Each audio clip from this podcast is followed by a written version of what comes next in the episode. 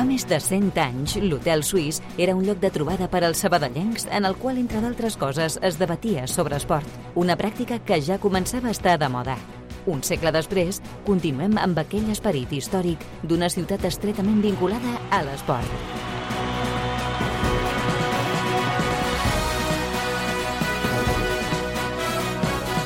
Hotel Suís, amb Adriana Royo.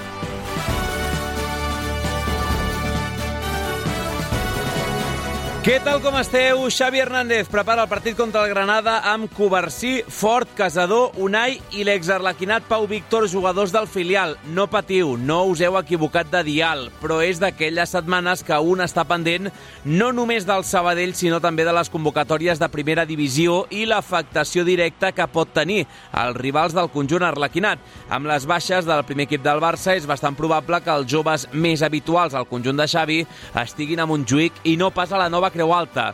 Mira que ens estimem, eh, a Pau Víctor, tant que posats a desitjar-li el millor que vagi a primera i que no ens visiti com a rival, que segur que tots estarem d'acord amb això. Encara que tenim precedents de sobres per veure que el Barça sempre és el Barça per molt que afrontin el desplaçament a Sabadell amb algun juvenil, perquè de fet alguns juvenils és que directament han saltat de la divisió d'honor al primer equip sense ni tan sols passar pel filial. La qualitat dels joves està fora de dubtes i, com deia ahir Hortolà, tampoc canviarà Rafa Márquez la manera de jugar per molt que tingui baixes. Veurem quina versió del Barça Atlètic ens trobem diumenge, però si de retruc la convocatòria del primer equip li fa un petit favor al Sabadell, no ens queixarem pas. Tot l'esport de la ciutat, d'una a dues a l'Hotel Suís de Ràdio Sabadell. Avui a les vies de sol, Toni González. Què passa fora de l'hotel en un minut? La cosa va de copes. A la Copa del Rei masculina, partit d'anada de les semifinals, ahir Atlético 0, Atlètic Club 1. Va marcar Berenguer. De penal, tot es decidirà el segon partit a Sant Mamés. A la Copa de la Reina, el Barça espera ja arribar a les semifinals. Ahir golejada d'escàndol 8 a 0 contra el Sevilla. El descans del marcador ja era de 6 a 0. També va passar ronda l'Atlètic Club. Avui Levante Real Societat a les 7 i Atlético Real Madrid a les 9. Ja tenim definides les finals de Copa Àsia i de Copa Àfrica. Seran en el primer cas Jordània, Qatar, en el segon Nigèria, Costa d'Ivori. I el Joventut de Badalona s'ha quedat sense factor pista a favor als vuitens de l'Eurocup masculina de bàsquet després de perdre l'última jornada de la Lligueta 94-80 a Riga, a Letònia, però contra un equip ucraïnès, el Prometei. I aquí a l'Hotel Suís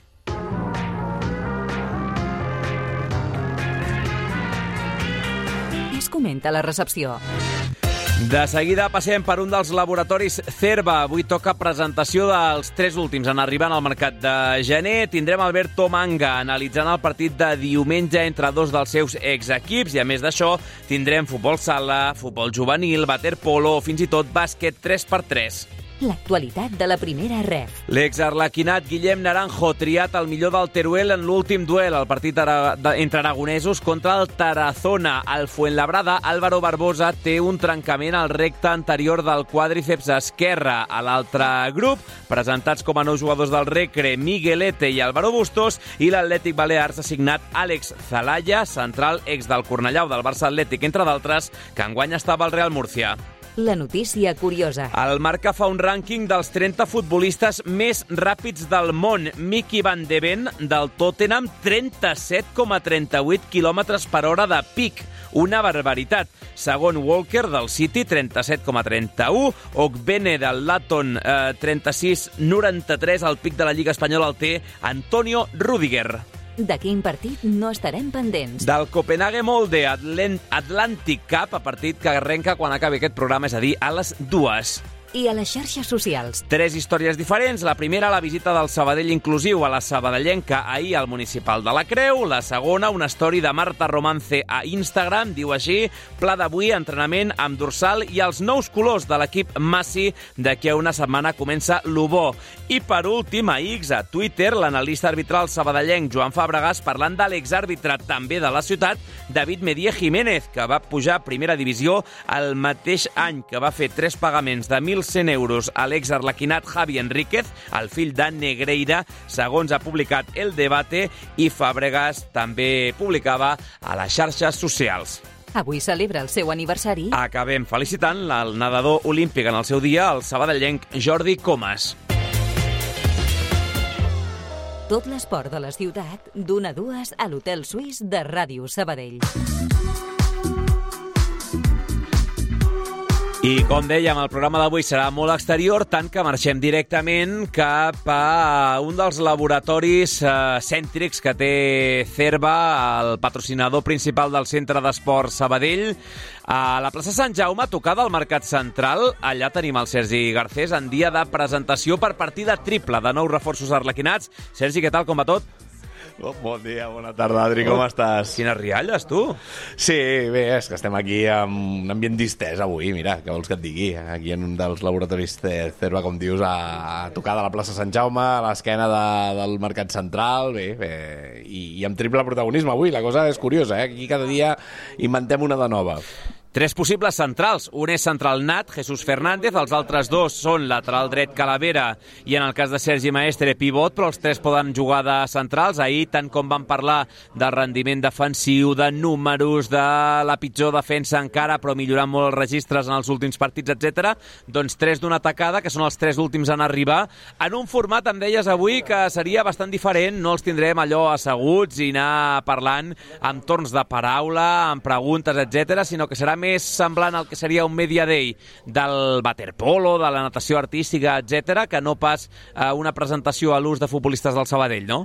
Sí, sí, sí, el que seria un media day eh, per aquells que, res, doncs, eh, tres esportistes, una, gairebé en tres estacions diferents i la resta ens hem d'anar movent per anar podem parlar amb ells, encara que he de dir que ara estem ben còmodes, eh, aquí asseguts al costat del que serà el protagonista avui en directe de Ràdio Sabadell, com dius, una de les cares noves d'aquest centre d'esports, però amb una curiositat que s'ha repetit en més d'una ocasió ja en aquest mercat d'hivern, Adri, que és que ja l'hem vist jugar, encara que sigui uns pocs minuts, però ja l'hem vist eh, debutar, ja sap el que és eh, debutar amb les samarreta del, del Sabadell, però avui tocava, com dèiem, aquesta presentació a, a Enferm res, ja he donat gairebé una de les pistes. Podien ser dues opcions eh, amb aquest primer paràmetre que he posat, però estem parlant del que es va estrenar abans que dels altres dos companys. Jordi Calavera, com estàs? Bona tarda. Hola, bona tarda, molt bé. Avui, com diem, aquesta curiositat que té el fet de que ja t'hem vist jugar, ni que fos uns minutets a, a les gaunes, eh? allò de, de saber que és l'estrena, però avui tocava aquesta posada de llarg i, i també dels primers dies, encara... M'imagino que aterrant, no?, encara una miqueta tot plegat.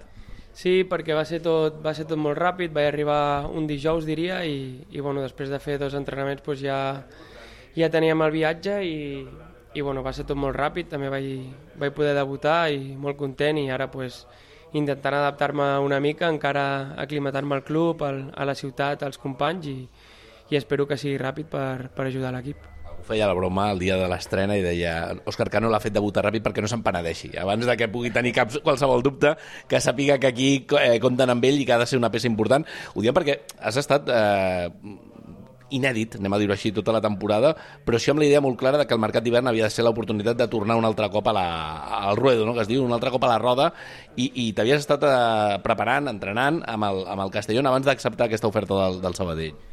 Sí, bueno, com, com tu dius, el meu germà està al Castelló, l'havia vist diversos partits i bueno, parlant amb el cos tècnic i tal, pues, em van dir que si volia entrenar amb ells no hi havia cap problema i, i portava uns mesos entrenant allí esperant a veure què, què podia sortir i al final pues, va acabar sortint això amb, també va ajudar molt la trucada de l'Òscar que al final ja el coneixia de temporades anteriors i, i bueno, crec que això també va ser una de les claus de, de poder venir aquí.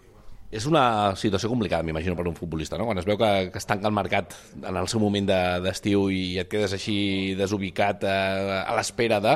No sé si en algun moment un arriba a donar-li tantes voltes a, a pensar tu, i si se'm complica molt el panorama, això s'arriba a pensar o, o, o vols ser un optimista i pensar segur que sortirà alguna cosa al final?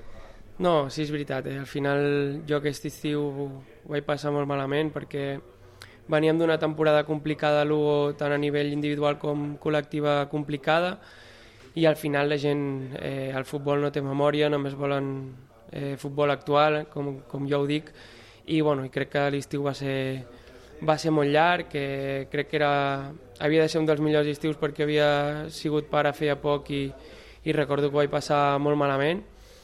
I, i, bueno, i aquests últims mesos, pues, gràcies al Castelló, pues, ha sigut un, un temps que m'ha passat més ràpid perquè al final tenir la rutina el dia a dia d'estar amb gent, entrenar amb companys i no estar entrenant sol, pues, crec que, que és molt complicat i, i, bueno, i mentalment has de ser molt fort. Jo he tingut els, els meus dies i, i sí que és veritat que quan arriba el mercat d'hivern i veus que, que pot ser que no tinguis equip fins l'any que ve, doncs, òbviament eh, és complicat i t'entra ansietat, entra mals de caps, però, però sempre s'ha de ser optimista perquè doncs, bueno, al final acaben arribant coses i, i gràcies a Déu doncs, va arribar la del Sabadell que també estic al costat de casa i estic supercontent d'estar aquí i la veritat que és un orgull et repetiré la pregunta que li hem llançat a tots els que s'han atrevit a venir en aquest mercat d'hivern, perquè veient la situació que, que tenia, que la té l'equip, eh? de fet encara està en descens, el que passa que ara s'ha guanyat aquest dret que diu Òscar Cano, com a mínim a veure-ho ja de molt a prop, eh, hi ha un punt de valentia també a l'hora de dir, hosti, de tot el que pugui tenir damunt la taula, el repte sé que serà ara uns mesos de, de, de picar molta pedra per acabar d'aconseguir l'objectiu. Bueno, mira, jo sóc una persona que, que sempre m'he mogut per, per objectius i per, i per reptes i, i gràcies a Déu pues, sempre he estat amb, amb equips que han pogut eh, lluitar per coses grans, per pujar a primera divisió o per, per inclús estar-hi. I, i, bueno, I sí que és veritat que al final és una situació difícil, no era com la situació de fa 3 o 4 mesos que estava tot molt més, molt més difícil, o fa 3 mesos, més ben dit, però, però bueno, al final és una situació que, que els jugadors, vulguis o no, també agrada lluitar per, per un objectiu i no estar a mig de taula en, en zona de ningú, que sí que és veritat que ojalà ho firméssim estar allí, però sí que és veritat que, que, que bueno, l'arribar a un club com el Sabadell, històricament parlant, i arribar al mercat d'hivern de no tenir equip i de poder fer una miqueta la feta històrica de dir, hòstia, han canviat l'equip, ha canviat eh, el Sabadell, eh, han salvat la categoria B, crec que és una motivació per, per, pels jugadors que han pogut arribar aquí i pels que estan al, al, a la plantilla. I, i bueno, jo ho vaig veure així, que era un repte tant a nivell personal de tornar-me a sentir futbolista, de disfrutar i, de, i a nivell col·lectiu de, de poder donar un pas endavant i salvar la categoria des de la teva experiència de, de, de vestidors, d'estar de, en grups, eh, com t'has trobat el del, el del Sabadell? Perquè, clar, els que veniu amb l'aire, amb el cap eh, oxigenat i amb, la, amb el cap net, per dir-ho així, i que us trobeu la realitat, m'imagino que és molt diferent d'algun company amb el qual t'estàs canviant al costat i, i, i ha fet tota la travessa aquesta, no? de, de passar per moments realment molt complicats on eh, la situació s'ha vist realment eh, que era molt perillosa. No sé, com, a, a nivell general, com t'has vist el grup, com, com t'has trobat els companys? Eh? Bueno, doncs me'ls he, trobat, me he trobat bé, perquè al final quan vaig arribar jo venien d'estar tres partits seguits guanyats i crec que l'ànim va, va canviar una mica. Es veia també, pel que em podien dir, que els entrenaments també havien millorat molt amb, amb l'Òscar, eh, però bueno, jo et parlo de l'experiència que vaig tindre l'any passat, de que quan estàvem en una roda de, de mala dinàmica, pues, eh, pues ja t'ho pots imaginar com estava la gent. M'ho imagino perquè sé que aquí també ha pogut passar aquest any, al final no et surten les coses, ho intentes i no et surten, eh, et pots enfadar amb un company perquè creus que ho podria fer millor o pitjor, i al final entres en una dinàmica negativa que, que no ajuda en res i, i gràcies a Déu pues, es va trencar amb aquests tres partits i ara jo veig la gent contenta, la veig motivada per treure-ho endavant, sí que és veritat que crec a nivell personal i com ho he vist de prop aquests dos últims partits crec que, que haguessin pogut ser més victòries que, que empats eh, per les sensacions que jo tenia en certs moments del partit inclús des de fora però, però bueno, hem d'anar pas a pas queda tota una segona volta crec que l'equip està treballant molt bé i, i crec que també el cos tècnic ha ajudat moltíssim en, que, en treure eh, ha a l'equip. Jo quan vaig arribar venint de la situació que venien em pensava que seria tot molt pitjor i, i va ser tot el contrari. Tot això per un grup eh, que porta aquestes cinc setmanes sense perdre, però que, com diem, que el camí tots hem de ser conscients, m'imagino que, que aquest discurs ja l'hauràs anat sentint dins del vestidor, conscients que el camí encara és llarg i, i que pot haver-hi, doncs això, caigudes, algun sotrac, moments en el qual pensem que, que ja està tota la feina feta, hi ha un puntet, eh, tu que has viscut a títol personal una sensació de, deies, en algun moment fins i tot d'angoixa, d'estrès de, de, de, de, extra, creus que pot haver-hi ara aquell moment de dir ho veiem tan a prop que, que ens entri la pressa de, de, de voler sortir i que això ens agobi més del que potser ens hem d'agobiar fins i tot?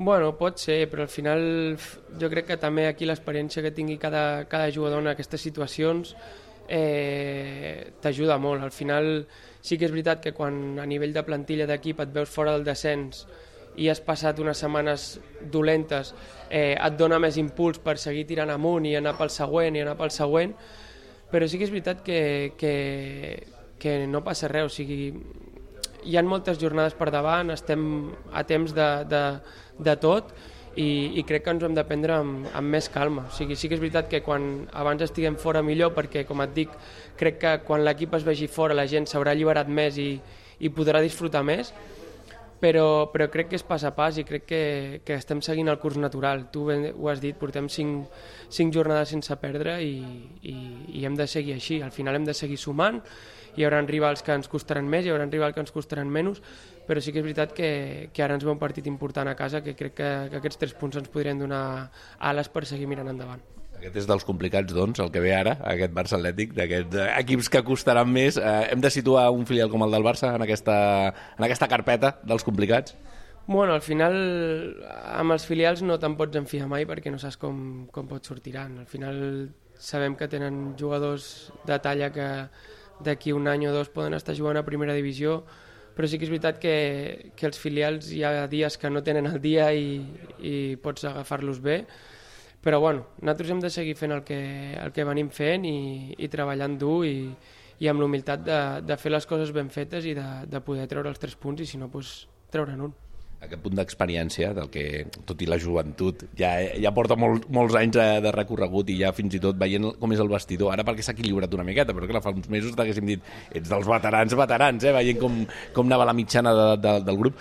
Parlo d'aquest punt de diferencial, no? entre el punt de l'experiència que ara té aquest Sabadell i aquest punt de joventut, que a vegades, com dius, eh, pot ser mm, doncs una arma bona, en el cas del filial, no? d'atreviment, de, de ser molt, molt echau palante, que diuen en castellà, però que al mateix temps no sé si en, en un partit gradual, d'aquells aquells micropartits que hi ha dintre d'un partit, eh, per poder-ho gestionar, eh, el Sabell també ha de saber jugar aquest diumenge amb, amb aquesta parcel·la, la parcel·la gairebé de mental, de saber portar el partit en tot moment al, al seu terreny.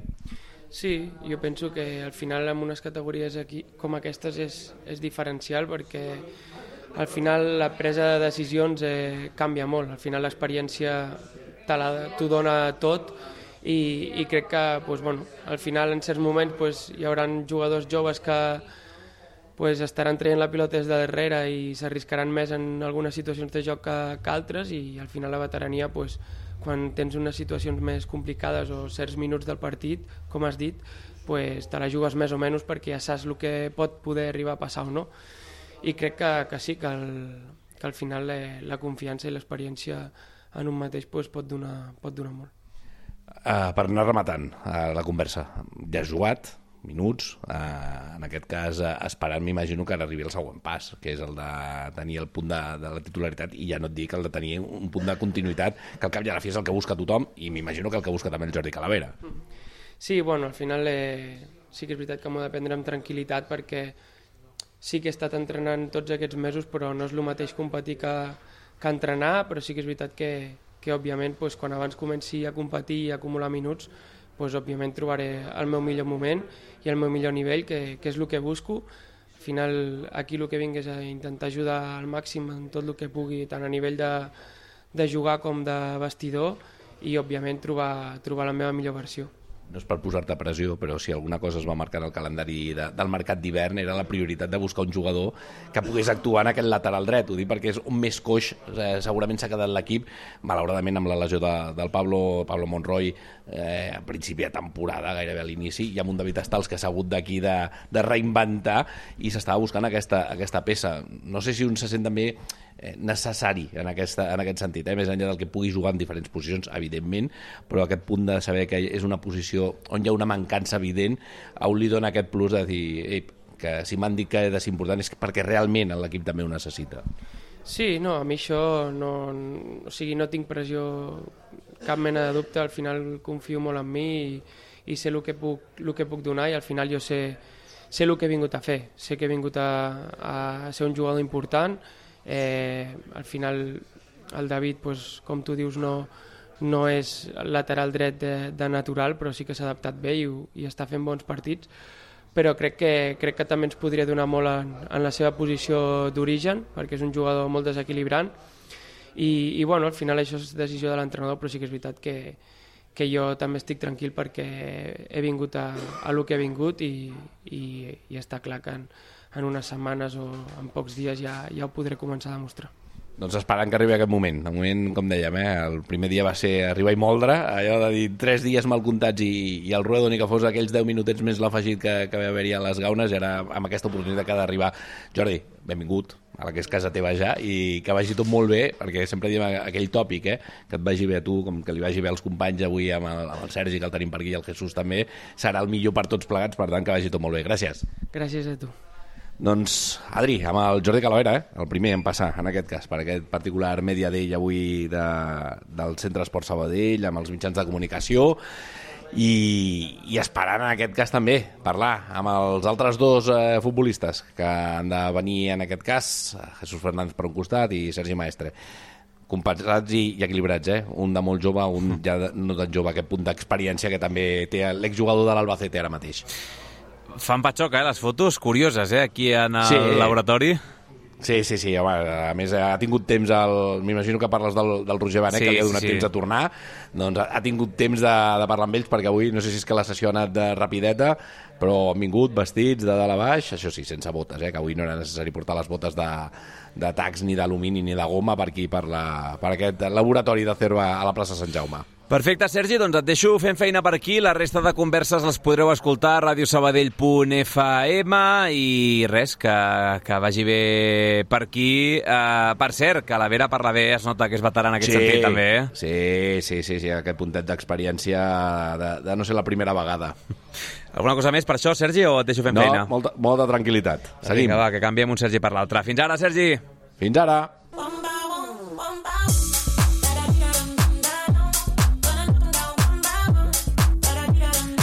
L'altre Sergi, per això el tenim aquí, a l'estudi, no el tenim a Cerva i ens aproparà una miqueta més a fons la prèvia d'un partit que fa ja xup-xup, aquest duel català, aquest Sabadell-Barça Atlètic, eh, bàsicament perquè ens continuem preguntant si Pau Víctor vindrà o no a la nova Creu Alta, o dit d'una altra manera, si entrarà o no a la convocatòria de Xavi Hernández amb el primer equip. Sergi Parc, com estàs? Què tal, Adri? No et contestaré, eh? La no pregunta. tens la resposta, no? No, no tinc la resposta. Mm ja t'ho dic. Uh, així que haurem d'esperar uns dies, unes hores com a mínim, per saber si el Sant Cugatenc i també altres companys eh, de, del Barça Atlètic que habitualment estan entrenant amb el primer equip o entrenant diferents convocatòries amb Xavi Hernández, sí i seran a la nova Creu Alta aquest diumenge a les 6 de la tarda, o, com deies, mm, finalment eh, el club optarà perquè estiguin presents amb el primer equip que jugarà a la nit. Eh? Recordem, eh? Barça-Granada, diumenge a les 9 de la nit, partit de primera divisió, tot just unes horetes després del duel a la nova Creu Alta mm, home, logísticament encara seria possible i tot, no? Allò, jugar partit a la Nova Creu Alta i córrer cap a, cap a Montjuïc? Diria que federativament no. Federativament no, no, no és possible, Diria que no. Eh? Doncs mira, Bon apunt aquest, eh? O sigui, no... Ni... O sigui, per molt que arribi, es dutxi ràpid i tal, no arribaria. Però vaja, és evident que no. És, és, és... Evidentment, evidentment, era per fer la broma fàcil, però vaja que... Uh, qui estigui a la nova Creu Alta d'aquests eh, hipotètics jugadors que poden estar amb el primer equip, doncs no hi seran, evidentment, a, a Montjuïc i, i al revés. Com deies, Adri, ben pendents, eh? De què passa amb la figura de Pau Víctor aquests dies està entrenant amb el primer equip sota les ordres de, de Xavi Hernández, igualment, com diem, eh, insistim, eh, amb altres companys seus de, del filial blaugrana, així que que veurem si finalment entra la convocatòria o no amb el primer equip. En tot cas, que Pau Víctor torni a la nova Creu Alta, Adri, il·lusiona, però d'altra banda, òbviament, i ara repassarem una mica els seus números, fa por, imposa respecte, i precisament eh, Pau Resta, central del, del conjunt arlequinat, fa referència a l'ex-arlequinat Pau Víctor. Jo crec que el Pau pues, ja ens coneixem des de, també des de fa anys, des de fa 3 o 4 anys, i bé, la veritat és que, que és un gran jugador i, i bé, esperem que, que si bé doncs, no tingui el dia. La cosa va d'homònims, de Sergi a Sergi pel que fa a Ràdio Sabadell, de Pau a Pau, i vés a saber si un marca l'altre. Aquesta setmana, Pau Víctor i Pau Resta, segur que ho van fer la temporada passada, va ser el Pichichi Arlequinat, amb 7 gols, empatat amb Cristian Herrera, i enguany, tot i haver-se perdut més d'un compromís, eh, és que és el Pichichi del grup L'any passat va ser el Pichichi del Sabadell amb 7 gols, empatat amb Cristian Herrera, és veritat, van compartir aquest honor, i com dius, Adri, aquest any és el Pichichi del Barça Atlètic, és el Pichichi del grup i és el segon màxim golejador de tota la categoria, només per darrere d'un tal Jesús de Miguel del Castellón, que en porta ja una quinzena. En el cas de Pau Víctor, 12 gols en 20 partits, un d'ells, si ho recordes, eh, contra el Centre d'Esports Sabadell mateix en el fatídic eh, enfrontament de la primera volta. Um, la mitjana li surt a Adri, per cert, a un gol més o menys cada 149 minuts. Recordo, Gens malament. recordo que la primera volta estàvem parlant amb declaracions seves als mitjans oficials del Barça i ja parlàvem d'aquesta mitjana i era de 100 i escaig. No recordo eh, concretament quina era la xifra, però vaja, que han passat una volta sencera i continuem amb aquests guarismes. Aquí està el diferencial, no?, que eh, amb molts més partits eh, pel mig, eh, Pau Víctor és capaç de mantenir una gran mitjana, un ràtio, per cert, eh, Abde de Mar, amb aquest punt de trampa perquè Abde Damar tot just ha jugat quatre partidets, Adri, però eh, la seva mitjana és d'un gol cada 109 minuts, Abde Damar. Per tant, gens malament, eh, en el cas de, del futbolista marroquí. Però tornant a la figura de Pau Víctor, doncs està despuntant, està brillant en aquest grup de la primera federació, això sí, eh, com ell, hi ha jugadors del Barça Atlètic que evidentment tenen tot aquest talent, tot aquest potencial, i d'això en parla precisament Pau Resta, que encara que Pau Víctor finalment no vingués a la nova Creu Alta si Xavi el decidís convocar pel primer equip. Aquest Barça Atlètic de Rafa Márquez té altres figures que també poden posar en problemes a la defensa arlequinada. Sempre el mirem, però poder més per, per l'amistat amb, amb el Pau, però, però bé, eh, sabem que és el Barça B, sabem que vingui qui vingui, eh, siguin joves, oh, que són molt i molt joves, però tenen un talent que ja es veu, ja es veu descomunal, es veu amb el primer equip, ja com arriben amb 16-17 anys, i bé, serà un partit que ens posarà les, les coses complicades, però sí que nosaltres doncs, aquest any doncs, tenir un equip amb més experiència, els reforços també ens han de donar aquesta tranquil·litat de, no, de ser millors i de fer d'equivocar-nos menys i d'estar de, i més pel partit. I, i bé, crec que aquí a casa doncs, no hi ha d'haver excuses. Doncs tant de bo, tant de bo que no hi hagi excuses. Segon partit consecutiu a la nova Creu Alta del Sabadell i, com dèiem en començar, més de Pau Víctor, també entrenen amb el primer equip culer, els Marc Casador, Unai Hernández, que va marcar, per cert, el Johan Cruyff també, Pau Covarsí o Héctor Fort. Sí, alguns d'ells eh, ja han debutat, ja estan sonant eh, amb força en el primer equip blaugrana, d'altres com el mateix Pau Víctor, per cert, encara ho tenen pendent de, de fer, eh, així que insistim, eh, veurem què passa eh, aquest diumenge, però en tot cas, eh, el Barça Atlètic compti o no amb aquestes figures, que té talent pels quatre costats, sobretot destaca aquest talent ofensiu, aquest potencial a, en atac com feia esment Pau Resta. Al final, Adri, estem parlant del millor atac del grup, el del Barça Atlètic amb 30 gols empatat amb el Real Unión, per darrere, això sí, d'un altre filial, el del Celta Fortuna, eh? però 30 gols al Barça Atlètic situat entre els millors atacs de, de la categoria i, evidentment, d'aquest grup 1 de la primera federació. Ahir, tot i així, ja fèiem eh, esment dels números del centre d'esports recentment que indicaven aquesta millora notable en defensa i així també ho esmenta Pau Resta destacant doncs això, aquestes millores a la rereguarda des que Òscar Cano és l'entrenador del conjunt arlequinat. Que al principi de tot doncs, poder, poder estar molt exposats i al final ens generaven moltes, moltes ocasions i al final feia que, que bé, que no podíem estar bé amb totes i després se generava doncs, aquesta incertesa però que si, si el que s'ha donat amb l'Òscar és que l'equip ha fet un pas endavant amb tot, que l'equip està molt junt, que si no arribo jo arriba el John, si no arriba el pivot, i també tenim a Vladis que ens dona molt pressionant, a, Abde, a sota quan juga a Marro, i bé, s'ha notat que defensivament doncs, doncs hem fet un pas endavant. Doncs eh, coincidint també amb les estadístiques que dèiem ahir que havia recopilat el Pau Vituri, aquest pas endavant inequívoc que ha fet el Sabadell en la línia, en la faceta defensiva, encara que no sigui molt de deixar porteries a zero, tot just tres en el que portem de temporada. Avui, com a bon dijous, tenim designació arbitral veteranot, eh? Abraham Domínguez Cervantes, 37 anys, i malagueny, que no acostuma a ser gaire habitual aquest, aquesta destinació, aquest col·legi. Correcte, eh, del col·legi andalús. Nou temporades va xiular aquest bon home a segona B, el van ascendir a segona Adri, però el futbol professional va durar un curs i cap avall un altre cop. Mala senyal. Mala senyal. Uh, ara ja du doncs, aquestes eh, tres campanyes a primera federació, mitjana de 5,74 grogues per partit i una vermella més o menys cada quatre enfrontaments. Aquest any, eh, això sí, eh, només una expulsió eh, en les vuit jornades que, que ha arbitrat. Té dos precedents amb el Sabadell, una victòria contra l'Elche l'any eh, 2018, al gener del 18 amb gol de Guillemenot. Famós gol a última hora, va Correcte. guanyar 0-1. I la derrota contra l'Andorra 0-1, també, no sé si dir tan famosa, però recordada perquè va ser el debut de Pedro Munitis, eh, el novembre del 2021. Amb el Barça Atlètic té tres precedents, dues victòries contra l'Alcoyano, les dues, per cert, i una derrota contra l'Eldense de fa més anys, eh, del 2015. Doncs, uh, déu-n'hi-do, eh? Si tenim precedents des del 2015, des de fa gairebé una dècada, amb Domínguez Cervantes, com a curiositat, cinc precedents entre Barça Atlètic i Sabadell i mai no ha empatat l'equip que ha xiulat. Sergi Parc, no em deixo res, no? Està tot dit, Adri. Doncs vinga, va, anem una mica amb l'anàlisi. Fins ara! Adeu! Escolta el programa quan tu vulguis al podcast de l'Hotel Suís.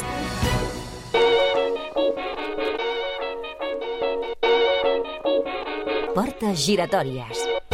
Ja han passat per aquesta secció Xavi Roca, Puigdollers, Miguel Ángel Lozano o Molist. En anys anteriors la llista és enorme de gent que ha estat al Barça i al Sabadell. A la primera volta, per exemple, vam escoltar talls de Pau Víctor. M'hi podria estar una bona estona, eh? amb el Xadi Riat, amb Joaquín, amb Guillemenot, Franquesa, i si tirem més enrere, Lanzarote, Jordi López, Moja, Bermudo, Hidalgo, Ullés, Genís, Fradera, etc etc etc. La llista sencera frega la cinquantena de jugadors i de tècnics. Avui, però, ens quedem amb una lectura diferent. Ni preguntarem pel seu pas pel Sabadell ni pel Barça Atlètic, sinó que parlarem amb ell des de la seva vessant com a analista de la categoria.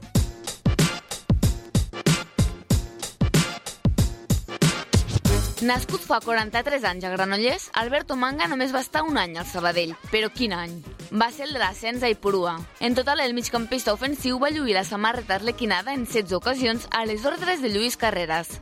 La seva etapa com a blaugrana es remunta uns anys abans, entre el 2000 i el 2004, amb un impàs entremig al Cartagonova i el Mataró. A banda dels clubs esmenats, el Vallèsà també va jugar al Gavà, Girona, Badalona, l'Hospi, Llagostera, Palamós i Vilassar.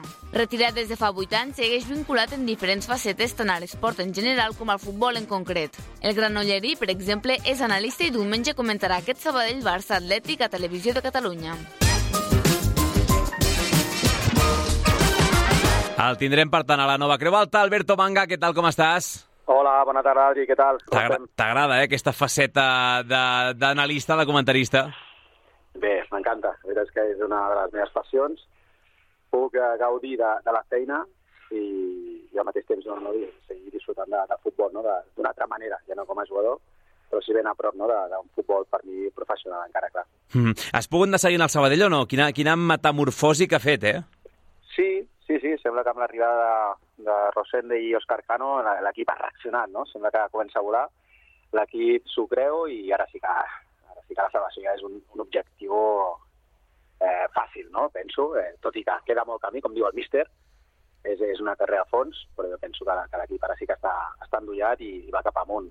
Eh, bé, veurem què passa, però ara, ara sí que ens agrada aquest Sabadell. Mm. Uh, clar, gent estil Covarsí o Fort al Barça Atlètic estan en dinàmica de primer equip directament, però igualment el Barça Atlètic de, de, de talent li'n sobra. No sé on hem d'estar més atents. Què t'agrada més a tu d'aquest filial blaugrana?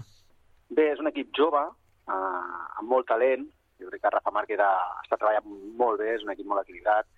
Eh, és, al mig del camp, a mi personalment m'agrada molt, amb una Hernández, amb Moja Mokris i Aleix Garrido, són jugadors molt, molt, molt verticals, eh, que, que tenen eh, última passada, que tenen gol, són, són perillosos i, evidentment, tenen a, la primera espasa, no? L'equip del Sabadell Pau Víctor, que, que està fent una temporada increïble. No? Jo penso que són els jugadors més destacats. Després, doncs, els jugadors de perfil pilotero, que s'associen molt bé, que, que no perden pilota, i bé, és, el típic filial de, de talent que està fent una gran temporada, clar.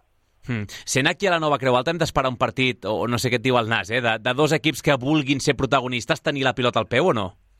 Bé, eh, aviam, jo espero un partit molt igualat. Eh, evidentment el Barça Atlètic, com sempre, intentarà dominar en pilota, però sobretot espero un Sabadell valent, eh, atrevit. Eh, els últims partits a casa eh, bé, està jugant molt bé, té confiança i ara és el moment d'intentar dominar. Si ja no és amb pilota, és amb intenció. És intentar jugar a camp rival, és, ser vertical, és, és anar a, a cara barraca, és anar a buscar porteria. Els, els nous fitxatges han donat un plus de, de, de qualitat, de, de, també necessitava pólvora aquest Sabadell, arribat, sobretot de, de les botes d'Abde, i, i a partir d'aquí doncs, el, el Sabadell a casa ha de ser molt valent i ha de treure tots els punts. Fer un Mm. partit igualat, però crec que el Sabadell s'endurà el partit. Doncs tant de bo, tant de bo que sí. Alberto, les, les dues últimes, la primera, Rafa Márquez, el teníem molt, molt, molt ubicat. Aquí era Rafa Márquez com a jugador. Quan va aterrar a la banqueta del Johan Cruyff teníem el dubte de com seria com a entrenador. Deies que, que, que t'agrada, no?, el, el perfil d'entrenador, que està demostrant en la seva feina.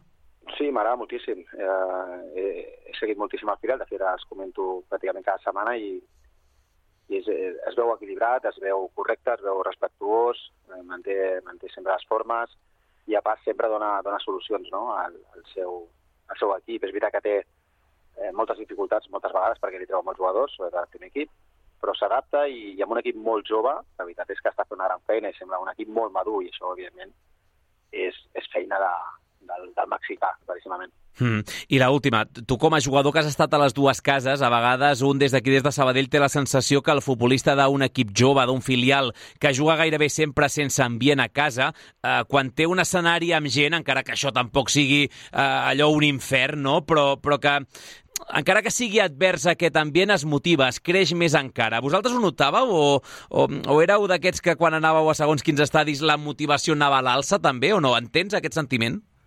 Sí, evidentment. Quan vas jugar a un estadi, com un estadi com la Nova Creu Alta, on segurament el diumenge hi haurà un ambient espectacular, eh, els jugadors creix, eh, sobretot el de casa, no? perquè és, és el que sent l'aficionat de prop, però el de fora també. Eh, el jugador vol, vol ambient, eh, bona gespa i, i un bon escenari no? per, per gaudir de, del, del futbol. Jo penso que per, per les dues bandes es motivaran. És un, és un partit fantàstic, espero un gran ambient, que l'aficionat entengui que és un partit molt important per Sabadell, que té l'al·licient d'intentar sortir de, del descens, és un partit perfecte per, per, per aconseguir els tres punts, i a partir d'aquí doncs, a començar a volar de veritat. Mm, a més, amb els duels directes que hi ha en aquesta jornada, guanyant sap el Sabadell que, que sortiria d'aquesta zona de descens. Uh, la gespa no estarà bé, això sí, no? ja, ja t'ho avanço, Alberto, que no estarà en la millor de les condicions, però vaja, ja sabem com van aquestes coses. Alberto Manga, ex-arlequinat, ex-blaugrana, comentarista, aquest diumenge a Televisió de Catalunya, el tindrem a la cabina pràcticament del costat i serà un plaer, com sempre, rebre't aquí. Una abraçada, cuida molt. Una abraçada, Adri, una forta abraçada. Adéu, que vagi bé.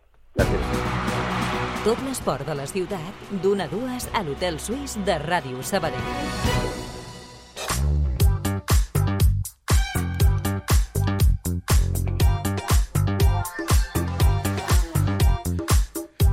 Fem també un apunt ràpid del filial perquè el Sabadell B s'ha reforçat amb l'arribada de Mohamed Exahel. Es tracta d'un jove extrem de 19 anys que arriba procedent del DAM, de l'equip juvenil dels cervesers. El centre d'esport serà, per tant, el seu primer club en edat sènior. L'any passat estava a les ordres de l'ex-davanter de l'Espanyol o de la selecció, entre d'altres, Sergio García, el juvenil A de la DAM, a la divisió d'honor i en etapes anteriors havia militat a d'altres clubs com el Josep Maria Jané.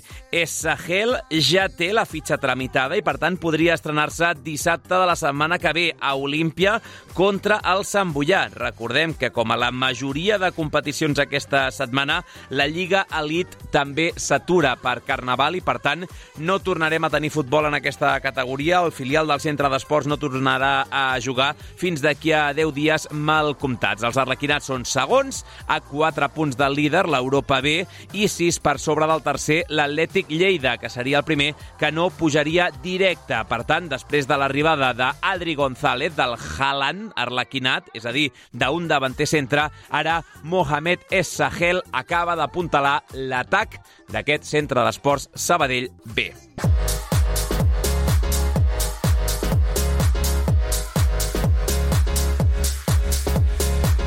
I, en canvi, una de les lligues que no s'atura aquest cap de setmana de Carnestoltes és el de la Divisió d'Honor Juvenil, entre d'altres coses, perquè no depèn de la Federació Catalana, sinó que ho fa de la Real Federació Espanyola de Futbol. I ho fa més amb duels interessants pel que fa als dos equips de la ciutat, els dos sabadellencs que volen viure tranquils al tram final de la Lliga. Ens amplia aquesta informació el nostre estudiant en pràctiques, en Samu Prats.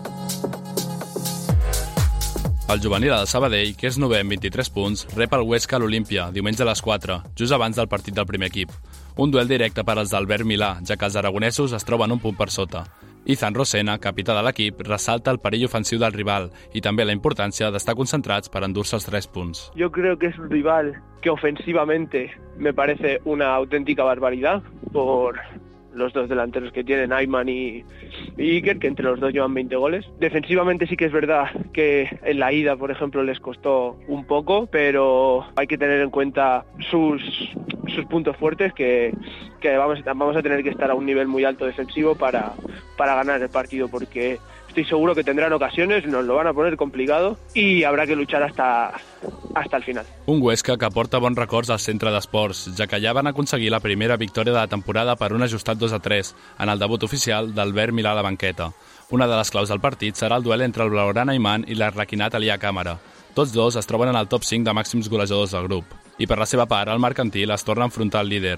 La setmana passada ho era el Mallorca, però amb l'empat al Joan Mortró, l'Espanyol ha passat a encapçalar la classificació. Els Pericos, després de 19 jornades, són l'únic equip que no coneix la derrota.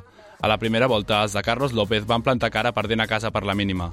Marc Domènech, central del mercantil, creu que puntuar serà difícil, però està segur que serà un partit disputat, semblant al que es va jugar a Araona Merinals. L'Espanyol segurament ha evolucionat, nosaltres també hem evolucionat i jo crec que serà un partit competit, un partit molt difícil, són un dels millors equips de la categoria i jo crec que, doncs, òbviament serà difícil treure un resultat positiu, però ells tenen jugadors doncs, de gran nivell. Jo crec que serà un partit disputat com estem tenint a les últimes jornades, o espero que, que sigui així. L'Espanyol mercantil arrencarà dissabte a les 12 del migdia a la ciutat esportiva de Nijarque. Recordar, per últim, que aquest cap de setmana s'atura la Lliga Nacional i, per tant, el juvenil B de Sabadell no juga.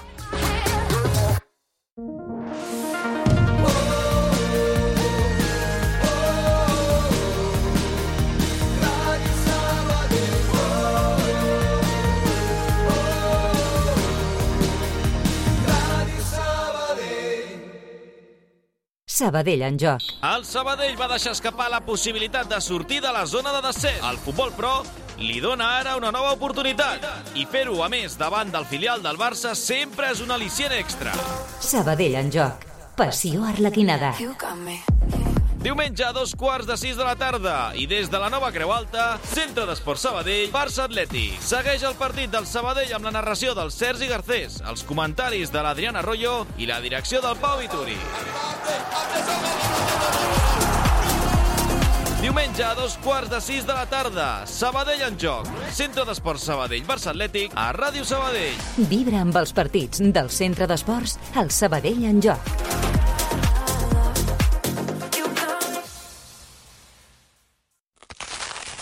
Ets un panarra. T'agrada el pa de debò, cruixent amb molla esponjosa i l'aroma de l'autèntic pa. A Valero també som uns apassionats del pa. Del pa de veritat, del de sempre, del que vam aprendre a fer fa més de 60 anys. Per això, elaborem les nostres especialitats com abans, respectant la tradició, perquè puguis tornar a gaudir del plaer de menjar pa. Perquè a Valero som forners. Som del Sabadell. Encara no segueixes el canal de WhatsApp de Ràdio Sabadell? Estigues informat al moment de tot el que passa a la ciutat d'una manera pràctica i senzilla. Busca el nostre QR al web radiosabadell.fm i a les xarxes socials de Ràdio Sabadell. Escaneja-te'l i ja ho tens, sense la necessitat de donar les teves dades ni d'inscriure't en lloc. Més fàcil, impossible.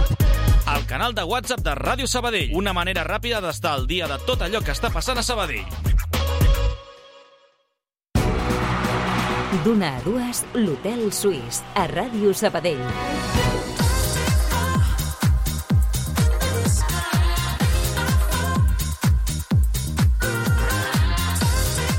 Dos minuts per sobre de tres quarts de dues. Anem amb el bloc poliesportiu. Anem fins a Doha. La selecció masculina de waterpolo depèn d'ella mateixa per classificar-se pels quarts de final del Mundial. Ahir, en la reedició de la final de l'Europeu, jugat fa poquetes setmanes, el combinat de David Martín va tornar a batre Croàcia, aquesta vegada fins i tot amb més contundència, per 10 a 6, amb un gol amb segell sabadellenc de Sergi Cabanes i amb el paper clau sota pals d'un Edu Lorrio que va jugar el partit sencer.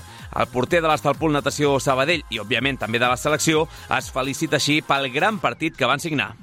Ha sido un trabajo muy bueno del equipo durante, durante prácticamente todo el partido. Es verdad que la última parte hemos encajado dos goles un poquito rápido que, que puede que hayan entrado un poquito las dudas, pero el equipo ha vuelto a, a jugar muy bien en ataque, muy, muy concentrado y, y siguiendo defendiendo las, las, siguientes acciones. Hemos conseguido mantener la ventaja en el marcador y, y llevarnos este partido que es muy importante para, para seguir creciendo, para consolidar nuestro juego en este campeonato y, y ya esperando a Australia. El pas cap als quarts és de gegant, pràcticament. Espanya depèn d'ella mateixa demà contra Austràlia per acabar com a primera de grup i estalviar-se així el duel de vuitens. L'Orio també ha parlat del caràcter que té l'equip i que demostra torneig rere torneig. Esta es la, siempre la mentalidad del equipo. Eh, creo que la base de este equipo es el compromiso, es la, la solidaridad, como tú bien dices, y, y, bueno, el talento define, define en ataque.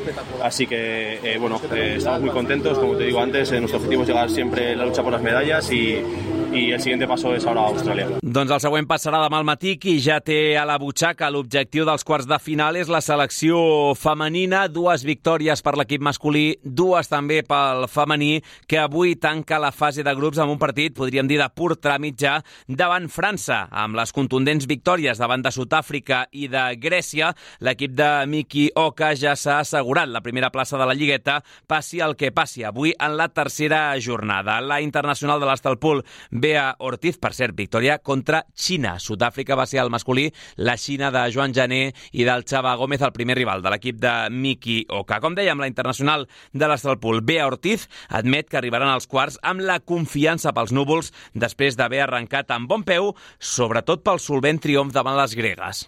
És important agafar confiança en aquest partit. Eh, veníem de jugar contra Xina, que a priori va ser un partit una mica bastant assequible, però bueno, hem agafat confiança, hem de seguir jugant ara partit amb, Fran amb França i, i el que es per davant. Va per bona via, per tant, aquest Mundial de Doha, en el cas dels nois, insisteixo, Sud-àfrica i Croàcia a l'espera de l'últim partit contra Austràlia, en el de les noies, victòries també còmodes contra la Xina i contra Grècia. Abans que arribin aquests quarts de final, toca l'Espanya-França d'avui a les 5 hora d'aquí, és a dir, les 7 del vespre allà a Doha. I, per cert, un apunt ràpid del món aquàtic, també en el Mundial de Doha, l'equip espanyol de natació artística s'ha classificat per la final de demà de la rutina lliure per equips com a tercer classificat. Per tant, el bitllet olímpic el té pràcticament a la butxaca, està caronant-lo ja la nedadora del Club Natació Sabadell, Txell Ferrer, que només participa a la rutina acrobàtica, va ser la primera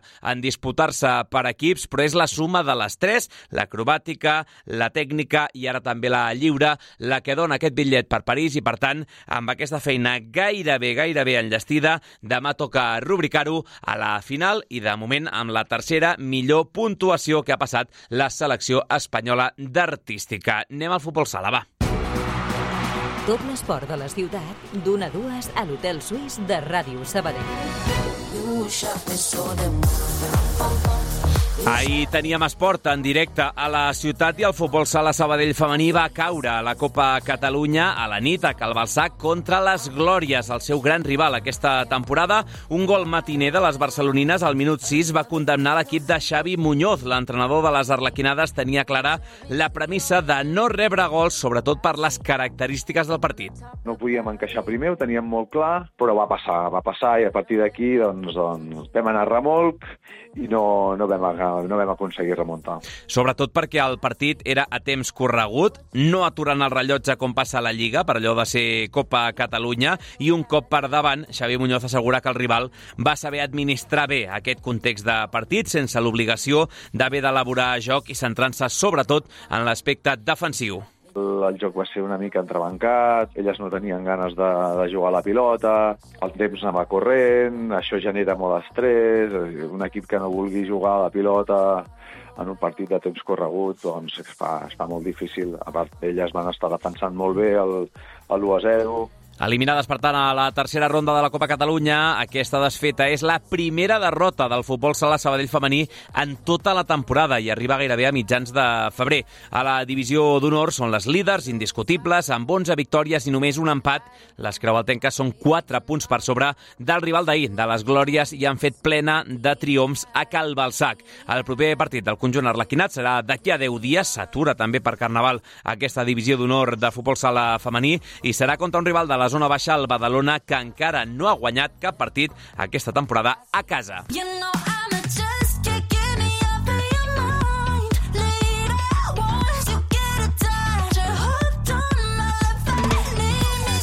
Més futbol sala, de futbol sala femení i l'eliminació del futbol sala Sabadell femení ahir a la Copa Catalunya a la segona B masculina. Oportunitat d'or la que té el Club Natació Sabadell per aturar la caiguda lliure que està protagonitzant i posar fi a la ratxa de set derrotes consecutives, que es diu aviat, coincidint amb la visita al pavelló nord del València, d'un equip que es troba immers en la part baixa de la taula dins la zona de descens. Ens amplia la informació el nostre estudiant en pràctiques, Ethan Jiménez.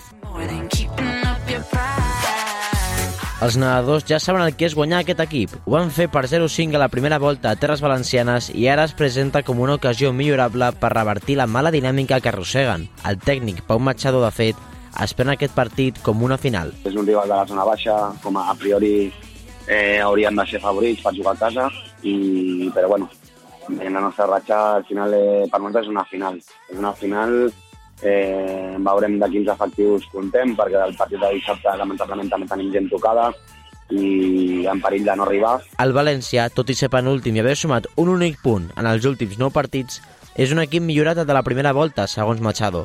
El tècnic considera que hauran de treure la millor versió per aconseguir els 3 punts. València també ha millorat moltíssim de la primera volta, eh, els partits que juga, si veieu amb els rivals que han tingut a zona alta, ja no són tan avoltats, són més competits inclús per poder competir als tres punts i bueno, eh, haurem de deixar-nos a la vida no? per treure tres i sobretot per allunyar-nos de la zona de baix. Eh, estem molt a prop, sigui, la gent no veu potser massa lluny, però jo sóc més prudent, coneixo la categoria moltíssim i quan encadenes tantes derrotes consecutives eh, és bastant complicat sortir, no? Llavors, bueno, eh, intentar treure quan abans els tres punts. I sobre el paper, partit semblant al que li espera l'Escola Pia, que rep l'Almonacid després de batre el CUE per 3 a 6 la setmana passada i superar el club a la classificació. El conjunt saragossà, també amb una ratxa de 6 derrotes consecutives, és qual per la cua en plena lluita per la permanència, un factor que els farà estar més motivats, segons el jugador escolapi Marc Navarro. Crec que la federació està plantejant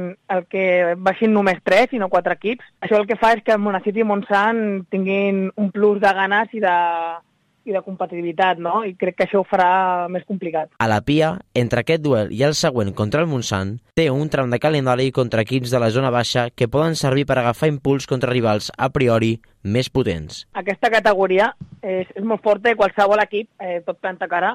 Bueno, mira, sense anar més lluny, Montsant ens va empatar a l'últim segon, un partit que també el primer ha guanyat, i és un equip que tu dius, hòstia, doncs l'hauríem de guanyar, però bueno, eh, tot eh, t'ho fica bastant complicat, no?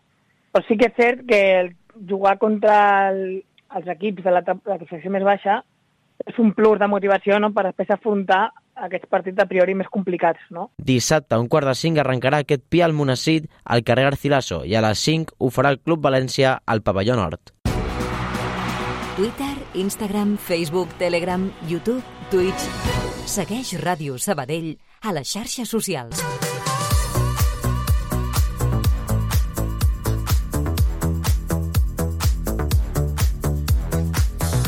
I atenció perquè avui acabem amb una notícia ben positiva i ben curiosa. En bàsquet, l'equip masculí de 3x3 disciplina, per cert, olímpica, del Club Natació Sabadell, jugarà la Copa del Rei de l'ACB 2024. La competició se celebra d'aquí a... no arriba a 10 dies, de fet, d'aquí a una setmana just començarà aquesta Copa a Màlaga i només han aconseguit el bitllet 8 equips, entre els quals el conjunt nedador. Per tant, Sabadell estarà com a ciutat representada en aquesta Copa del Rei ACB 2024 pel que fa al 3x3.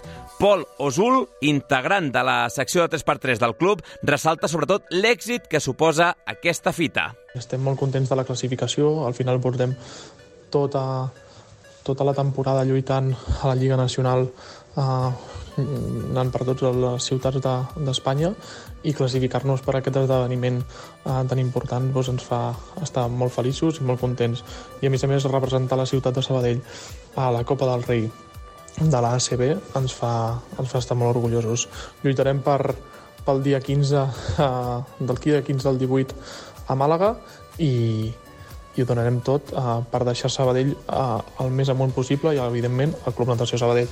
En les últimes hores s'ha confirmat aquest bitllet del Club Natació Sabadell com a participant en aquesta Copa del Rei de Màlaga. Pel que fa al bàsquet 3x3, recordem que a l'equip hi formen part eh, jugadors com el mateix Osul, com Nil Mataix, Oriol Bernardí i el nigerià Frederic Ongu. L'estrena, veurem contra qui serà dijous de la setmana que ve o divendres. La Copa s'allarga durant tot el cap de setmana següent a Màlaga.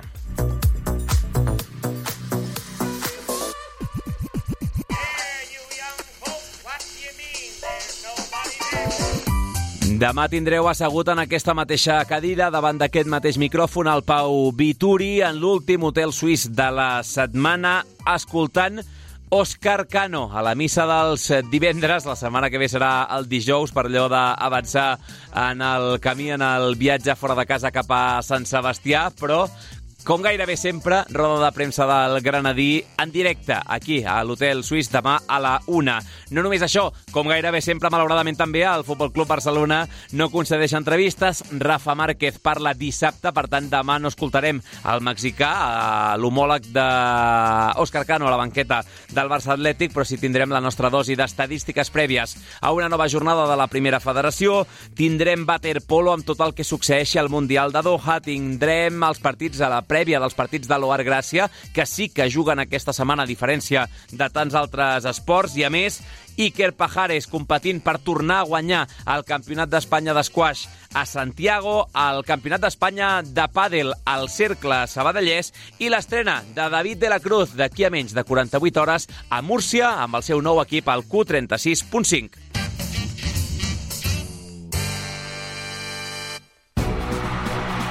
Això demà a la una. Ara el Notícies Migdia amb la Núria Garcia i tota la gent d'informatius i també el Toni González, que és qui ha estat avui a l'Hotel Suís al capdavant de la tècnica del programa. Podeu recuperar-lo, com sempre, al podcast de l'Hotel Suís a radiosabadell.fm o a les nostres xarxes socials. Que vagi bé aquest dijous. Una abraçada. Adéu-siau.